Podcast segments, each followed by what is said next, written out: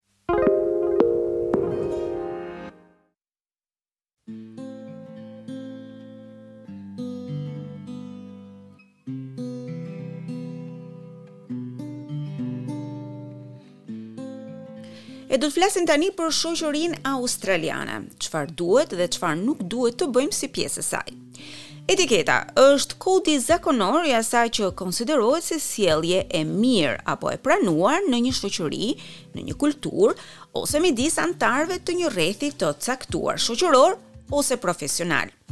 Por çfarë duhet të dimë në momentin që jetojmë në Australi?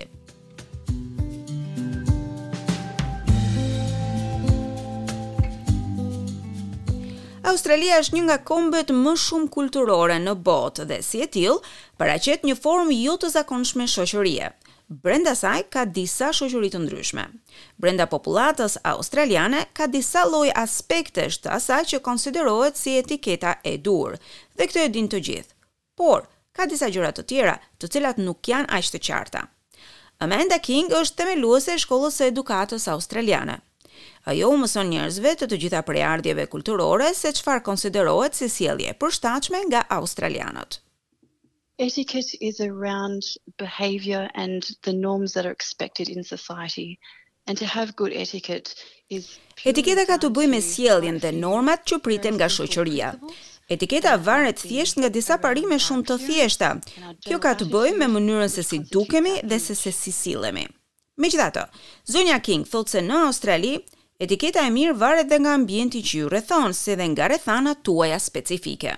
We found that being in Australia we're a bit of an anomaly where we are demographically and culturally a bit of everything from around the world. So we have English as a base. Studimet tona treguan se në Australi kemi njëfarë anomalie sepse jemi demografikisht dhe kulturalisht të ndryshëm, kemi pak nga e gjithë bota.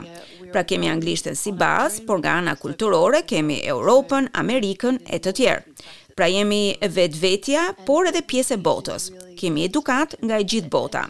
Ne u mësojmë nxënësve tanë që ato që nuk thuhen apo ato që priten nga shoqëria australiane.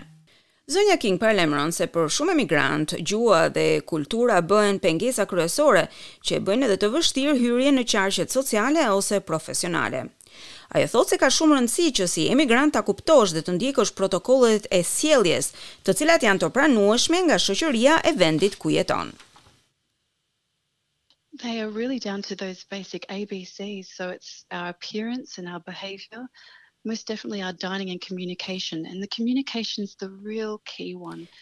Parimet janë të thjeshta, pamja, sjellja, mënyra se si ushqehemi e mbi të gjitha komunikimi.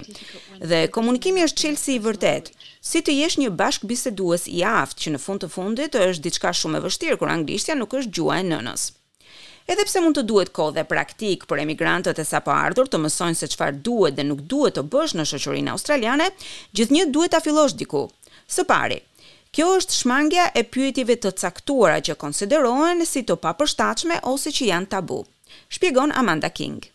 An uncomfortable question might be around personal questions, so we always talk about those questions that we really like to avoid, especially when meeting. Një pyetje e pakëndshme janë pyetjet personale me personat që nuk i njohim mirë. Këto duhet të shmangen. Për shembull, pyetjet rreth statusit martesor, rreth financës apo fesë, politikës, Njerëzit duhet të flasin me njëri-tjetrin sepse natyrisht duan të mësojnë më shumë për njëri-tjetrin, por në fillim duhet të flisni për tema të përgjithshme, sepse pyetje të kësaj natyre mund të jenë shumë fyese, thotë ajo. E duke patur parasysh se çdo kulturë ka një standard të ndryshëm të asaj që konsiderohet si e përshtatshme ose e papërshtatshme, ne pyetëm disa emigrantë, të cilët kanë kohë që jetojnë në Australi, se cilat janë sjelljet që nuk pranohen. Winmas Yu është me origjinë nga Hong Kongu dhe ka jetuar në Australi për dhjetë vite. One example would be if we have parents or grandparents telling us ok you should eat more or you should eat less because you look fat or you look thin. Një shembull do të ishte për shembull ne kemi prindër ose gjyshër të cilët na thonë haptasi, ok, ha më shumë ose ha më pak se je i shëndoshur. Por kur mbërrita në Australi e kuptova se një gjë të tillë nuk mund t'ia thuash njeriut këtu. Këtu shoqëria ofendohet në rast se ti komenton rreth formës së trupit apo ushqimit që ha. Sara është nga Maroku dhe ka pesëmbëdhjetë vite që ndodhet në Australi. Ajo thotë se ka mësuar se disa pyetje që janë të pranueshme në kulturën e saj e që janë mjaft normale aty, konsiderohen si të papranueshme në Australi. If a couple gets married for more than nine months and the baby is not there, people ask him why or ask the lady why is there any problem? Have you seen a doctor? Nëse një çift ka më shumë se nëntë muaj martuar, në kulturën time njerëzit të pyesin haptas, pse nuk ke familje, mos ke ndonjë problem, ke shkuar tek mjeku, një gjë e tillë këtu nuk pranohet, thotë ajo. Sipas Sarës, pyetje të tjera tabu janë pyetjet për financat personale, të cilat janë krejtësisht të papranueshme. Nuk është e pazakontë në disa kultura arabe të pyesësh njerëzit që sapo ke takuar për statusin martesor. Yeah, especially the person is more than 25. There is a problem. yeah, if she's not married. And Yeah, definitely. Po veçanërisht nëse personi është më shumë se 25 vjeç, njerëzit menjëherë mendojnë se femra ka patur probleme dhe pyesin pse. Ose nëse ka ndonjë problem, fillojnë që t'i sugjerojnë edhe një mjek për t'u kuruar. Fabiola Campbell ka jetuar në Australi për tetëmbëdhjetë vite. Me origjinë nga Venezuela, ajo ka themeluar Gratë Profesioniste Emigrante. The purpose of the organization was to close the gap between migration and professional employment. Qëllimi i organizatës ishte të mbyllte hendekun midis emigrimit dhe punësimit, duke patur parasysh se ka shumë gra profesionale të cilat janë të papuna.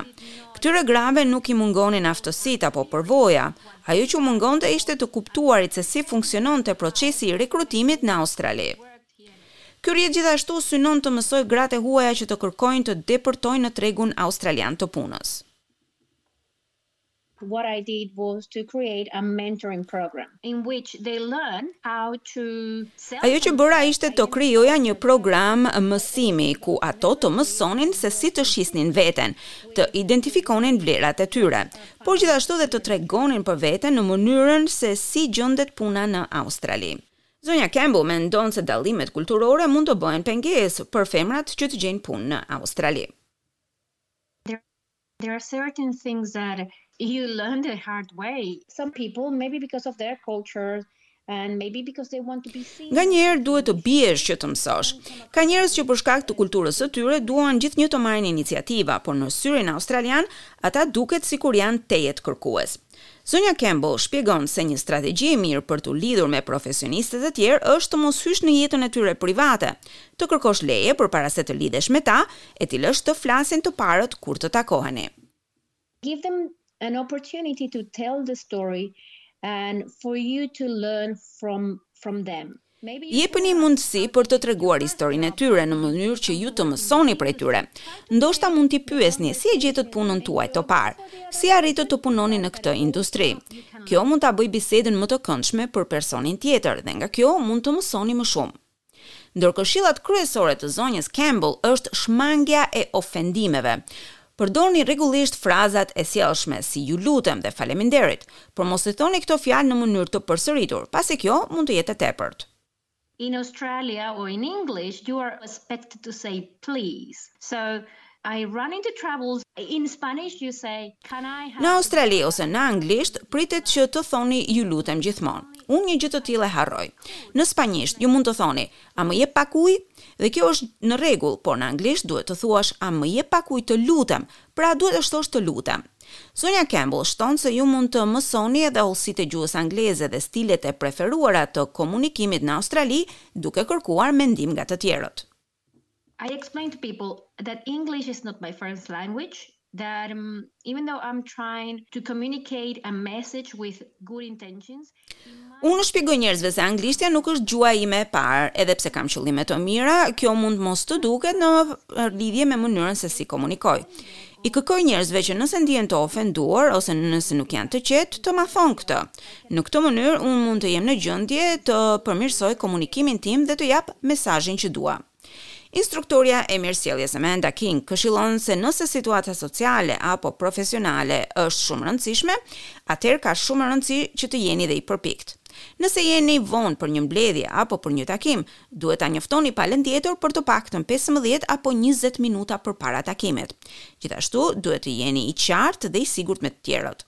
Zonja Campbell dëshiron që emigrantët të ndihen të qetë, pasi shumë persona në Australi kanë përvoja në marrëdhënie me njerëz me prejardhje të ndryshme kulturore apo gjuhësore. Most people in Australia, they have contact with migrants and especially migrants with English as a second language, they might understand that Shumica e njerëzve në Australi kanë patur kontakte me emigrantë dhe veçanërisht me emigrantë që flasin anglisht si gjuhë të dytë. Pra e kuptojnë shumë mirë se mënyra që se si komunikojnë të tjerët mund të jetë pak ndryshe prej tyre, thotë ajo.